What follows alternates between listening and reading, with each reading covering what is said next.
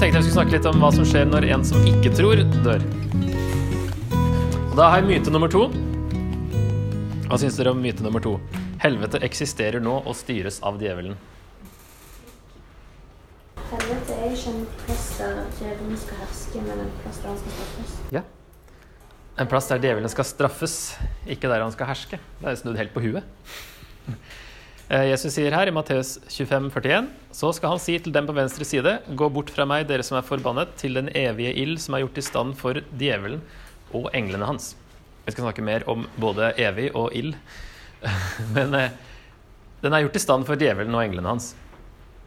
Så det er ikke noe at eh, her, altså her har vi veldig mye bagasje. Både fra helt tilbake til norrøn mytologi og ikke minst middelalderen. Denne Dantes inferno er jo en kjent uh, så ble det etter hvert veldig mye sånne beskrivelser av Det ble som et sånn torturkammer der djevelen styrer. Så det er helt på huet. Der, at djevelen skal straffes der.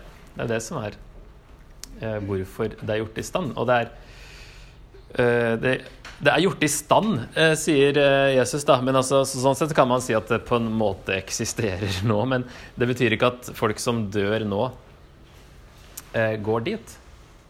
Og vi skal snakke om hva det er. Om dette om si, helvete, da. Men i hvert fall i Johannes' åpenbaring så er det Der kastes først djevelen i denne ildsjøen, som vi også skal komme tilbake til. Eh, og så er det etter oppstandelsen, når dommen skjer, at alle de som ikke er skrevet i livets bok, også får samme skjebne. Da. Det er ikke at man kommer dit nå, og at man skal eh, tortureres av djevelen. Ok, hva er det her, da? Hva eller hvor er dette? Det er, eh, det er Israel. Denne, denne Altså, jeg tror jeg har tatt det bildet sjøl. Oppe fra Jerusalem-høyden opp, så er det en, en dal uh, utafor som uh, Her er bildet som jeg ikke har tatt, som er fra veien der nede. Dette er, um, dette er helvete. Dette er opprinnelsen til helvete. den, den dalen her. som vi nå skal se på. Det er en, en dal rett utenfor Jerusalem som da var eh, er det bildet som brukes. Hva kalles den dalen? Den kalles eh, Gehenna på gresk, som oversettes med helvete. Så nå, det er nå det blir bare, nå må vi kanskje prøve å skrelle bort mye av det vi har liksom lært og hørt før. Men vi skal se hva Bibelen eh, sier, hvilke ord den bruker da, om fortapelsen. I Gammeltestamentet så er det bare snakk om graven, det hebraiske ordet sheol. 63 ganger. Og det er et nøytralt sted som alle skal til. Uansett. Det er graven. Det er liksom ikke så mye mer snakk om det, men at man i graven kan likevel ha en eh, en forviss Jeg kan ikke sånne norske ord lenger. Forvisshet? Visshet? Forvissning? Nei. Eh, altså at, man kan, at, Gud, at det er noe etterpå, da. Eller at, at eh, De venter jo på den døde, de dødes oppstandelse osv. Men det er nesten bare, tror jeg, snakk om graven. I Nytestamentet og Jesus òg snakker faktisk om Hades noen ganger. Det er jo dødsriket fra gresk mytologi. Elleve ganger bruker han det. Og det er jo ikke noe vi tror på han skal ha noe for vår evighet å gjøre. Men Jesus bruker det dødsriket som de var kjent med. Utover, altså, eh, utover bare graven, da, så bruker han også dødsriket Hades. Eh, Tartarus skulle det stå der. Skal jeg bare rette opp den. Det brukes én gang i andre Peter. Jeg vet ikke hva deres bibler har der, om det står eh, i eh, Ja, nå har jeg ikke skrevet noe hvor det er engang. Men eh, andre Peter eh, eh, 2,4. Avgrunnen står det oversatt med her. Styrtet dem ned i avgrunnen. Andre Peter 2,4. Men det er da også fra gresk mytologi en del av underverdenen hvor de onde blir straffet for sine ugjerninger. Og her snakker han om eh, ånder og ikke mennesker, da. Andre, altså andre Peter. Og så har vi Gehenna, som er eh, tolv ganger. Det er det som oversettes helvete. Jesus bruker det elleve ganger, og Jakob bruker det én gang. Så det er ikke så veldig ofte, egentlig. Tolv ganger at det ordet nevnes. Og hvis vi deler opp hvor eh, det brukes, er det åtte ganger i Matteus, tre ganger i Markus, én gang i Lukas. Og så er det mye av det her som er parallelle utsagn, sånn at det er egentlig bare en fem-seks ganger at Jesus snakker om helvete. Matteus 5,22 er én, og så kan vi slå sammen de tre neste sånn mer eller mindre. Og så er det de to etter der, som er den samme utsagnet, og så er det to på slutten, da. Så ikke så veldig ofte det nevnes. Men det er det, det, er det vi snakker om, da. Helvete. Så det kan vi se på, dette ordet Gehenna, og hvorfor det kommer fra denne, denne dalen utenfor eh, Jerusalem. Eh, helvete, da, er jo opprinnelig fra norrøn mytologi, der Helviti var dødsgudinnen Hels straff. Og det har kommet derfra inn i engelsk. Så der har vi kanskje allerede litt sånn bagasje. Vi har ikke lært så veldig mye om dødsgudinnen Hel, kanskje, men eh, ordet er faktisk ikke bibelsk i det hele tatt. Helvete, det er norrønt. Det er punkt én. Eh, på hebraisk så heter den dalen heter G. Ben Hinnom som er denne Ben Hinnom-dalen. Altså Ben betyr sønn. Så det er eh, Hinnoms Hinnomsen-dalen utafor Jerusalem.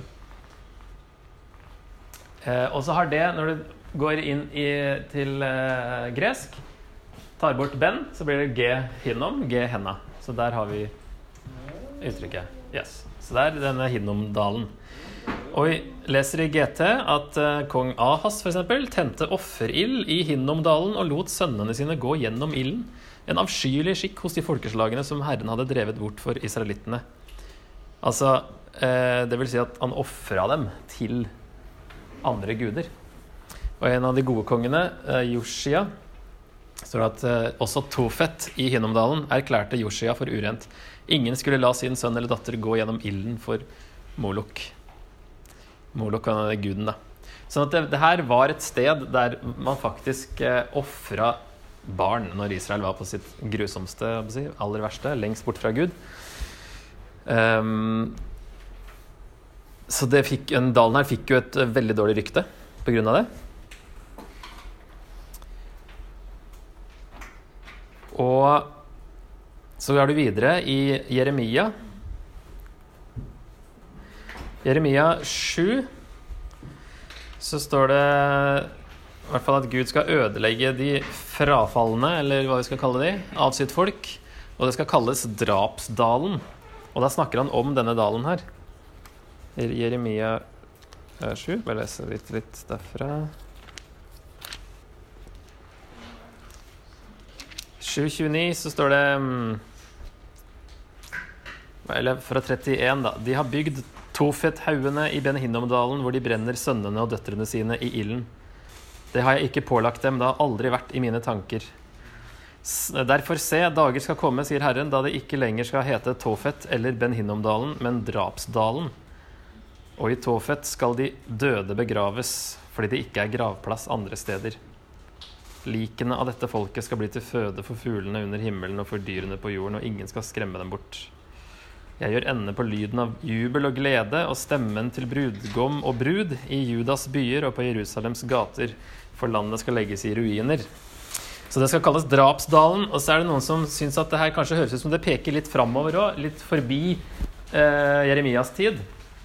Kanskje mot den endelige dommen, når det er snakk om dager skal komme. Altså hvor langt fram er det han ser. Og når det står at det ikke er gravplass andre steder, er det øh, fordi det skal være litt større enn bare Jerusalem. Det er ikke så tydelig her, kanskje, men det blir kanskje litt tydeligere i Jeremia 31, der han snakker om hele dalen med likene. Det er jo denne dalen fortsatt. Og alle skråningene ned til Kedrondalen, det er den andre dalen som møter denne herre helvetesdalen utenfor Jerusalem. At begge disse dalene skal være hellige for Herren. At det er et eller annet som skal reverseres der og bli bra til slutt. Og, så konteksten er eh, den nye pakt, og han snakker om at dager skal komme.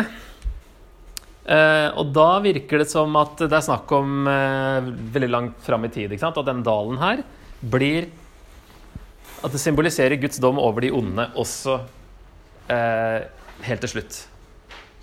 Og derfor er det jo Jesus bruker det. At eh, det var en dal, eh, men at den symboliserer noe mer, da. kanskje også symbolsk om å være utenfor Jerusalem, og dermed også utenfor det nye Jerusalem. At man da eh, Ja, vi skal se et vers til som snakker om det. Henger dere med så langt? Men er bare ment som et symbol på Eller på en måte Ja, altså, det, er, det blir et symbol Det var, det var der de faktisk uh, ofra barn, osv. Og, Og så sier Gud at uh, det kan jeg ikke la passere. Det må jeg dømme. Og så sier han at den dommen skal komme over den dalen, på en måte, for der har det gjort de verste tingene.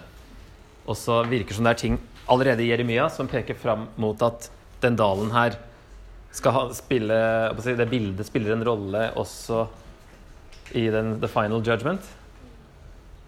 Um, og at det da kanskje vi kan se på det som et symbol da på å være innenfor og utenfor Jerusalem, altså Guds folk. da. Men at det her er den dalen som, da etter, som, som oversettes med helvete i nyttesomhetet. Så det er derfor vi da kikker litt på bakgrunnen for det.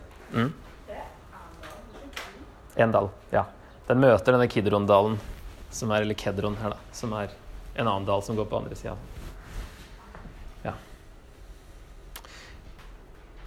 En annen viktig tekst er det siste verset i Jesaja. De skal gå ut og se likene av de menneskene som gjorde opprør mot meg, for dem skal marken ikke dø og ilden ikke slukne. De skal være en gru for alle mennesker. Og da er det jo nevnes ikke Ben Hinnom-dalen, men det er den dalen De skal gå ut av Jerusalem. Det er det som er konteksten. De er, altså, det er snakk om det nye Jerusalem, som vi leste i stad, noen vers før. Og så bruker man jo jordiske Jerusalem som et bilde. For det er det de kjenner til. ikke sant? Og at uh, går man ut av, den, av, Jerusalem, så kommer man til bl.a. den dalen her. da. Så det er det nok Hvis det er snakk om lik i en dal, så er det nok den samme som Jeremia snakka om. Og Jesus uh, snakker om det her i Markus 9. Og der snakker han det om Gehenna. Altså Der setter han det i kontekst av Gehenna. Så der har vi på en måte uh, bekrefta at det er det Jesaja I hvert fall sånn Jesus tar det, da. Når Jesus sier fra vers 43 Om hånden din lokker deg til fall, så hogg den av. Det er bedre for deg å gå lemlestet inn til livet enn å ha begge hender og kommer til helvete, til ilden som aldri slukner. Så er det et vers som ikke er med i de eldste håndskrifter, som står i, med en stjerne her. Og om foten din lokker deg til fall, så hogg den av. Det er bedre for deg å gå halvt inn til livet enn å ha begge føtter bli kastet i helvete. Gehenna, altså. Om ditt lokker deg til fall, så riv det ut. Det er bedre for deg å gå enøyd inn i Guds rike enn å ha begge øynene, øyne bli kastet i helvete. Dette, nå har vi alle tre forekomstene i Markus er på ett sted her. For hvert menneske som øh, Nei, det var ikke det. Videre. Det er marken som eter dem, ikke dør, og ilden ikke slukner. Er altså, her siteres det tre ganger, men det er i hvert fall siste gangen så er det i hvert fall uten en fotnote. Der er det i hvert fall med i alle håndskrifter. Der han drar inn det verset her, snakker om Gehenna, snakker om å, som et alternativ til å gå inn til livet. Og så snakker han om eh, marken som ikke dør, og ilden som ikke slukner. Men en liten sånn eh, som vi skal snakke mer om etterpå, er det her med at det er snakk om lik. Ikke sant? Hva betyr det for hva helvete er? Men dette tyder på at denne dalen ble brukt som et bilde på Guds dom. Jesus ser ut til å bygge på Jeremia, ettersom Gehenna-ordet ikke nevnes i noen annen tekst mellom Jeremia, 500-tallet før Kristus, og evangeliene. Så er det etter Jesus at det begynner å spinne av gårde og få all mulig rare beskrivelser. Men Jesus er, så vidt vi vet, den første som tar det opp igjen fra Jeremia. Så han bygger på denne dalen her. Og så Hvis vi ser på det her med hvor mange ganger det var nevnt i forskjellige evangelier Åtte ganger i Matteus, som er det mest jødiske. Tre ganger i Markus, i ett avsnitt, som han skriver til eh, gresk først og fremst, men så blanda publikum. Og Lukas én gang bare, som er det mest greske publikummet. Eh, ja, eller ja, evangeliet. Jøder ville kjenne, kjent til stedet og skjønt bildet, også visst at det var hentet fra Jeremia. Er det derfor det ellers nevnes kun i Jakobs brev, som var skrevet til jøder? Så det, kanskje her er et sånn jødisk bilde som Lukas i hvert fall velger å tone ned og bare vil nevne én gang. Mens i det mest jødiske evangeliet så nevnes det fleste ganger. siden det er et geografisk sted, egentlig, og det er bygger på Jeremia, så vil det være mer naturlig for jøder å, og at de skjønte bildet. Da. Og Jakob, som skriver til, til jøder, han tar det med ett sted. Har dere hørt om det her at eh, det, skal være liksom en, eh, at det var en søppelplass? Ja. Eh, Det er også en sånn, kanskje en slags myte. Muligens. Det er lite bevis for dette, i hvert fall. Det tidligste vi har, er en rabbiner som heter Kimchi, kanskje. Ca. 1200 etter Kristus. Som snakker om det at det var en søppel, søppeldynge. Og det er jo ganske seint. Noen mener det passer dårlig med Lukas 12, 4-5, der det står at eh, Vær ikke redde for dem som slår kroppen i hjel, men siden ikke kan gjøre mer. Jeg skal vise dere hvem dere skal frykte. Frykt ham som kan slå i hjel, og siden har makt til å kaste i helvete. Det er det som står der, Lukas 12, 4-5. Jeg sier dere, det er ham dere skal frykte. Vær ikke redd for dem som slår kroppen i hjel, men siden ikke kan gjøre mer. Her har Lukas Han tar ikke med en, den todelingen med Lukas tar ikke med sjelen. Det er snakk om sjelen også, i, eller livet, da. Nefers. I Matteus 10, 28. Vær ikke redde for dem som dreper kroppen, men ikke kan drepe sjelen. Frykt heller ham som kan ødelegge både sjel og kropp i helvete. Så Matteus har tatt med sjel og kropp. Lukas har, skriver da bare om eh, kroppen, men siden ikke kan gjøre mer. Han tar ikke med der, snakker ikke om sjelen, da. Um, hvis det var en ild som alltid brant, så kunne mennesker òg kaste andre ned dit. Men Lukas, eller Jesus sier at det er jo ba, bare Det er jo bare um, Gud som har makt til å både ta fysisk liv på jorda, sånn som mennesker kan, men også eh, gjøre ende på nefesh. Gjøre ende på sjelen. Og i den forbindelse kaste i Gehenna. Vet ikke om det her ble klart. Det er ikke så viktig. Poenget er at Jesus henviser ikke til en søppelfylling, men til Jeremia. Ok, her, her har vi eh, Jerusalem i dag på Google Maps. Og her, hvis dere drar dit, så kan dere dra- ned her. Her er Gay Ben Hinnom Street. Der er Ben Hinnom-dalen, den veien som går eh, gjennom, da, der, gjennom helvete. Ok. Hva tenker dere når dere ser eh, at det fins i hvert fall disse tre syn?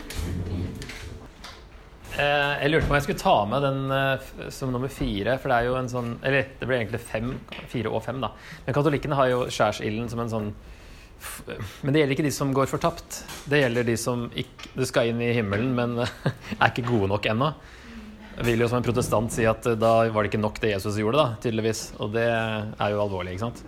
Og så er jo ikke det noe sted i Bibelen. Det er muligens et sted i apokryfene som de har i sin bibel, men som vi ikke har. ikke sant? Som vi ikke ser på som på samme nivå som eh, resten av GT. Men så er det også den universalismen som eh, dukker litt opp snart. Men ikke som et syn på helvete, da, men på fortapelse eller frelse. Det at egentlig alle blir frelst. Også, og der kan det for noen protestanter òg faktisk være en slags eh, skjærsildperiode. At det er faktisk noen protestanter som tror på det, da. Og at det gjelder alle. Om at til slutt da alle blir frelst. Eh, selv om jeg syns Bibelen snakker ganske tydelig om to uteganger. da. Så derfor har jeg holdt meg til det. Og så bare tre forskjellige syn på akkurat selve fortapelsen, eller, eller helvete, først og fremst nå, da. Men det som er interessant, er at i Oldkirken så var det forskjellige syn på det her. Men det mest kjente er jo Augustin, i hvert fall, som eh, var, tok det bokstavelig som evig pine. Tertullian, en annen en. Men han nevner det idet han går imot dette tilintetgjørelsessynet. Så det eksisterte tydeligvis. Og Augustin sier i den sammenhengen at veldig mange andre mener noe annet enn han. da. At uh, veldig mange andre tar det ikke bokstavelig. Så det var flere syn allerede i Oldkirken. Altså Tertullian rundt år 200, eller 200-tallet i hvert fall, og Augustin uh, 300-400-tallet. Så har vi andre kirkefedre som uh, virker som de holdt seg til at det var en tilintetgjørelse. At eh, du opphører å eksistere. da. Ignatius. Ireneus, han er jo en kjempe. Og en som heter Arnobius av Sikka, han er ikke så veldig kjent. Men i hvert fall tre navn der. Muligens også flere her, som er også kjente. Men eh, problemet er at ofte så bare bruker de de bibelske uttrykkene uten å forklare hva de legger i det. Og da kan man på en måte ta det til inntekt for begge syn ut fra hva man tror i utgangspunktet de uttrykkene betyr. Så det er litt sånn, de, Ofte så forklarer de ikke, de bare siterer Bibelen. Men noen sier tydelig at de snakker om at, at, opp, at man opphører å eksistere da, hvis man ikke eh, har fått evig liv. Og så er det den universalismen også, som noen Origenes er jo en ganske stor fyr, da, som eh, etter hvert eh, slo seg på universalisme, at alle blir frelst, eh, og ble da etter hvert eh, erklært for en eh, vranglærer av kirkemøter og sånt, selv om han egentlig var en, en av de store lederne. Og for å se at det fins forskjellige allerede i starten, så oppfatter man det her forskjellig. Det er også veldig greit å, å vite om, fordi ofte så er det litt sånn derre Man tør ikke å tro at det er noe annet enn evig pine, eventuelt, fordi man tror at det har kristne alltid trodd. Og da skal det litt ekstra mye til å plutselig mene noe annet.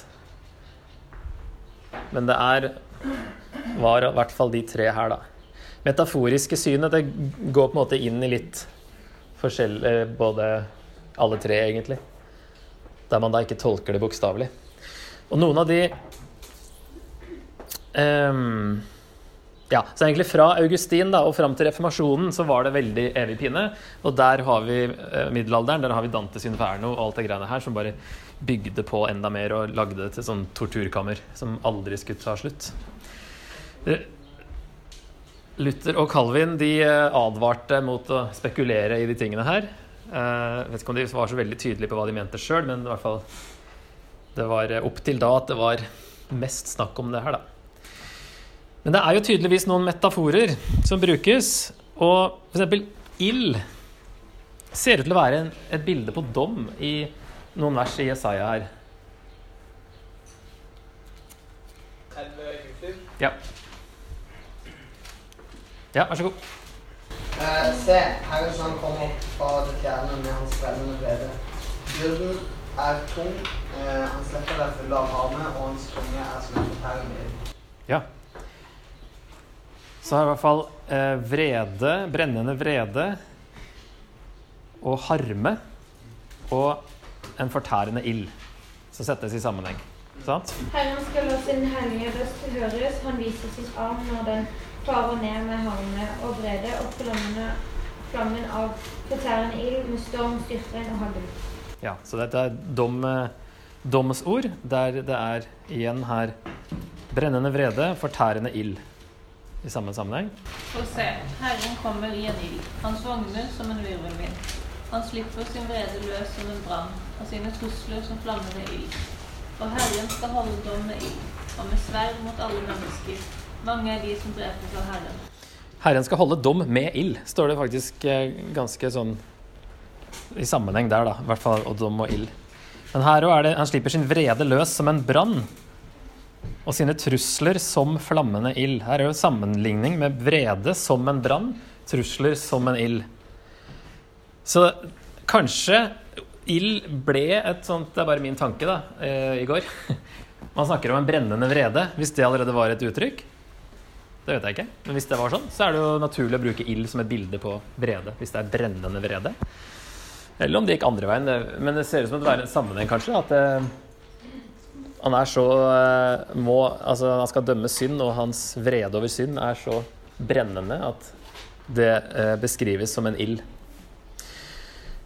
Og så har vi I evangeliene så snakker Jesus om at det er ild. F.eks. Matteus 3, vers 10 og 12 og 25, 41. Mens han snakker om at det er et mørke i Matteus 8, 22 og 25-30, som er jo egentlig rett før den andre her. Så det, han går liksom fra ild til mørke som metaforer. Noen vil jo si at de to kan jo ikke eksistere samtidig. At helvete kan ikke være både ild og mørke. Da er det i hvert fall ikke så veldig mye ild hvis det fortsatt er mørkt.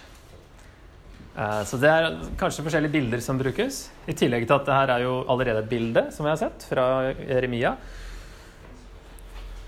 Og det er ofte i lignelsene, som vi var inne på i går, at eh, Jesus, eller foregårs, at Jesus eh, snakker om, om dette her. Og Så vil noen spørre, da, kan ildsjøen i åpenbaringen 1920 være mørk? For det blir jo litt sånn rart. Jeg vet ikke, mulig at det er mørkt rundt, og at den er ild, men jeg tror jeg sa det jo veldig som, som bilder. Um, og så er det et argument også fra det her med, som han sa, at den evige ilden er gjort i stand for djevelen og englene hans. Bokstavelig fysisk ild vil ikke ha noen effekt på åndelige vesener. Det må være en åndelig ild, som da kan være en metafor for Guds dom over det onde. Men det her med ild, da, altså bokstavelig ild vil jo ikke ha noen effekt på djevelen og englene hans, skulle jeg tro. Åndevesener. Sånn at da må det jo være en annen type ild uansett, og da kan det ikke være en bokstavelig ild, da må det være noe Ja, en åndelig ild som som da lett kan være en metafor for dom. Og at ildsjøen blir da bare domssjøen, ikke sant? Og det sier jo ikke noe om hva som skjer, håper jeg etter man da eventuelt eh, ja, f.eks. dør da, tilintetgjøres. Det står jo ikke der at de skal være i ildsjøen for alltid. Og så er det i tillegg Johans åpenbaring, som er spess. Så hvis vi ser litt mer på det her tilintetgjørelsessynet, som dere kanskje ikke har hørt så veldig mye om Det er litt sånn der såkalt guilt by association, fordi Jehovas vitner de tror på tilintetgjørelse, og da tør ikke vi å ta i det, liksom. For det er vranglære, for det tror Jehovas vitner på. Men det er mange kristne som holder seg til synet her, men de er faktisk I USA så er det noen som måtte ikke Kunne ikke snakke høyt om det på jobb. De hadde jobba på teologiske universiteter og ville miste jobben hvis de sa at de hadde det synet her på fortapelsen. Så det er sånn, Hun har skrevet under på at du er enig i dette her, og du kan ikke mene noe annet. Det er litt, sånn, det er litt mer sånn på sånne ting i USA, da. Men det er veldig mange som, eh, som uh, syns at det høres mer um, uh, bedre ut ut fra tekstene. Det metaforiske vil jo være ja, det er en adskillelse fra Gud på en eller annen måte. Men kanskje vil man fortsatt mene at det er evig. En evig adskillelse. Mens her så vil han mene at det er ikke evig. Så se litt på de tekstene som da kanskje eh, må forklares litt mer da. Men de snakker bl.a. om at eh, tekstene legger vekt på der, altså der helvete nevnes, da ikke hendene nevnes, så legges det vekt på, vekt på kroppen. Matteus 5,22 så, er, så er det snakk om eh, Det er dødsdom, altså en vanlig Som en parallell, da. Eh, vanlig, vanlig dødsdom. Det er ikke så vanlig for oss, men eh, Ja ja, det er ikke så tydelig, kanskje, syns jeg det er, men Den som blir sint på sin bror, skal være skyldig for domstolen. Den som sier til sin bror 'din idiot', skal være skyldig for det høye råd. Og den som sier 'din ugudelige narr', skal være skyldig til helvetes ild. Men eh, kanskje tydeligere i de andre her, det som vi leste i stad i Markus 9, om å hogge av hånda og dra ut øyet, rive ut øyet og sånne ting, at det er snakk om kroppsdeler. Og da tolker de det som at det er bedre å gå til livet handikappa enn å være et dødt lik som kastes i Gehenna. At det vil være eh, Vil man da si er kontrasten Jesus prøver å få fram. Og som jeg nevnte i stad også, at det er det siste verset i Jesaja der det sto at de skal se på likene av eh, de som Altså Guds fiender, eller hva det sto. At de er allerede døde. De skal gå ut og se likene av de menneskene som gjorde opprør mot meg. For dem skal marken ikke dø og ilden ikke slukne. Så, men de er jo allerede døde i det bildet her. Så vil, når ilden ikke skal slukne, så betyr ikke det at menneskene skal være i live. I det bildet her så er de allerede døde, og det er det bildet Jesus bruker i, i Markus. Uh, når han siterer det her og sier at det er bedre å ta synd så alvorlig at du eventuelt kutter av deg en hånd, hvis det er den som får deg til å synde, det er bedre enn å bli uh, eh, kasta i Gehenna. Og der det handler ja, både Jeremia også, så handler det om døde kropper. Og som sagt, det er jo bare Jesus og Jakob som nevner helvete. Paulus han snakker eh, mest om, eller i hvert fall snakker han mye om ødeleggelse som i stedet. Han bruker det ordet ofte. Og det er jo mer sånn at man blir ødelagt. Hva betyr det? Opphører man å eksistere, eller blir man ødelagt for evig? Hva, altså, hva ligger i det? Hva mener Paulus med det, da? Det skal vi ikke gå så veldig inn i, men eh, i hvert fall så ser dere at Paulus bruker andre ord, da. Men det her med evig ild Nå har jeg lagt merke til at eh, dere bruker ordet evig mye mer i en helt vanlig kontekst enn det eh, jeg er vant til. Evig langt og så, Ja, en evig god brownie. Ja, det, det har fått en litt annen, annen betydning.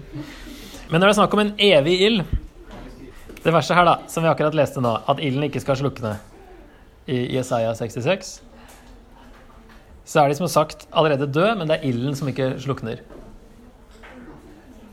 Og så ser vi i Judas brev så står det på samme måte var det med Sodoma og Gomorra og nabobyene deres, hvor de levde i hor, slik som disse englene, altså de falne englene, og i unaturlige lyster.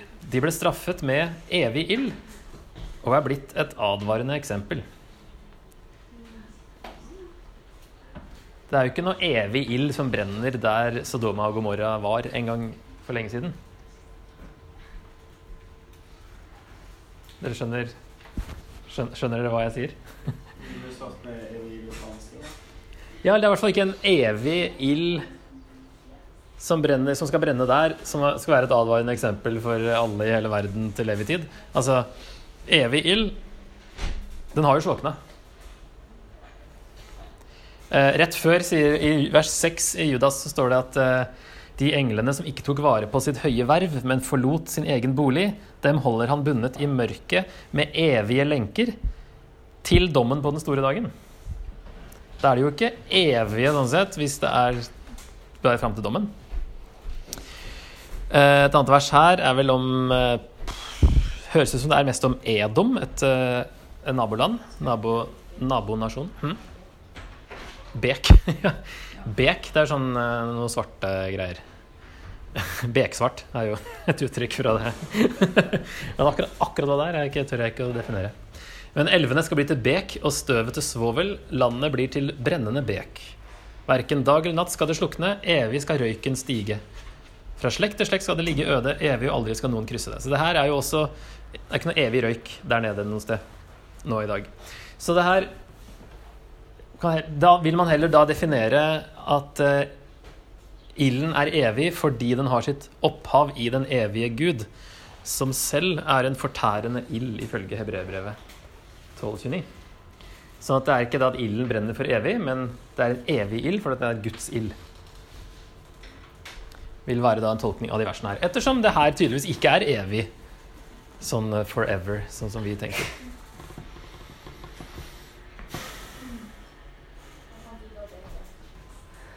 Uh, ok, so far so good, eller? Men sånn at da vil uh, de som da mener at helvete eller fortapelsen ikke er evig, vil også se på hvordan ordet evig Altså at ilden ikke er en evig ild, fordi det brukes ikke Ellers i Bibelen så brukes det ikke om en ild som alltid brenner, men en ild som brenner opp alt det den skal brenne opp. Og den kan ikke slokkes fordi det er Gud, Guds ild. Som da ikke bokstavelig varer evig, men er fra en evig Gud, på en måte. Det er en litt annen måte å tenke på. Så det er i hvert fall bibeleksempler på det, at de bruker det om noe som ikke brenner og brenner og brenner og brenner. og brenner For alltid. Et vers da som må forklares på en kanskje annen måte enn det vi tenker på, er det her i den lignelsen når Jesus skiller sauene og geitene. Så sier han disse, skal, eh, disse skal gå bort til evig straff, men de rettferdige til evig liv. Så forstår man Man tenker kanskje med en gang at det betyr at man skal straffes evig. At man skal straffes daglig i en evighet. Men da vil da de som mener at det er en tilintetgjørelse, som, som, en motsetning til å få evig liv, da. Får du ikke evig liv, så lever du ikke. Da dør du. Um, og da går man på at straff her er et substantiv. En evig straff. Det er ikke et verb som at en evig straffing. Som for så vidt Hva heter det her? Sånn gerundium, substantivisert verb, for å være nerd. Men altså det, er, Straffen er evig, ikke avstraffingen. Sånn at eh, den straffen er evig. Den kan ikke reverseres. Du er atskilt fra Gud, og det kan ikke omgjøres. Og at du da får straff, at det er at du ikke får evig liv, dvs. Si du dør. Og hvis en evig ild er en ild som kommer fra Gud, så er det en evig straff en straff som kommer fra Gud, men det betyr jo ikke at den varer evig. Det er bare, en, en evig konsekvens, egentlig. Evig straff. Ved det dødes oppstandelse så er det dom, og da dømmes man, og man eh, en straff som de ikke definerer hvor lenge den varer, eller det kan være forskjellig òg, men at til slutt så blir man tilintetgjort fordi man ikke har evig liv. Så dør man. I Salme 37 så står det de hjelpeløse skal arve landet og glede seg over varig fred. Det siterer Jesus i bergprekenen han sier at salige er de ydmyke, for de skal arve jorden. Så han gjør om landet til jorden, selv om det for så vidt er samme, samme mm, ord. Så eh, mener noen at det her viser at Jesus eh, eh, tolker denne salmen som at den, varer, altså at den gjelder lenger enn bare livet her på jorda. For når salmen går videre til å si at lovbrytere går alle til grunne, de lovløse får sin fremtid hugget av, så vil man da si at fordi Jesus ser ut til å bruke det her om eh, enden på hele historien, så vil det her å gå til grunne Det betyr ikke bare at man dør fysisk på jorda, men det betyr at man går til grunne for evig. Lovbrytere, altså de lovløse, da, de som ikke, er, de som ikke følger Gud. Sånn at Det snakker mye om ødeleggelse i denne salmen, og at den da handler ikke om døden her på jorda, men om, om evigheten. da. At det er en ødeleggelse, som Paulus også bruker jo det ordet. Og så er det i vers 20, når det står 'de lovløse går til grunne'. Det er veldig mye, Her står det det samme for så vidt i eh, vers 38, men det er et annet gresk ord i den greske oversettelsen. For dette er jo opprinnelig på hebraisk. Men når de oversatte det til gresk um, Så er det først, så står det Verset er en parallell, da. Det står 'de lovløse går til grunne'. Herrens fiender forsvinner som blomsterprakten på marken. De blir borte som røyk. Så det vil si, det, å gå til grunne er en parallell til å forsvinne, til å bli borte som røyk, i det verset her, vers 20. Og LXX, det er den greske oversettelsen, det var en forkortelse, Septuaginta, har samme greske ord for å gå til grunne her i Salme 37 som det som brukes for å gå fortapt i Nytestamentet. Hang dere med på resonnementet hit? Det er derfor man vil si at evig straff betyr at man straffes én gang, men den straffen har evig konsekvens. Så de vil se på det her som det samme, at man går til grunne. Men man blir straffet, man blir dømt for det man har gjort.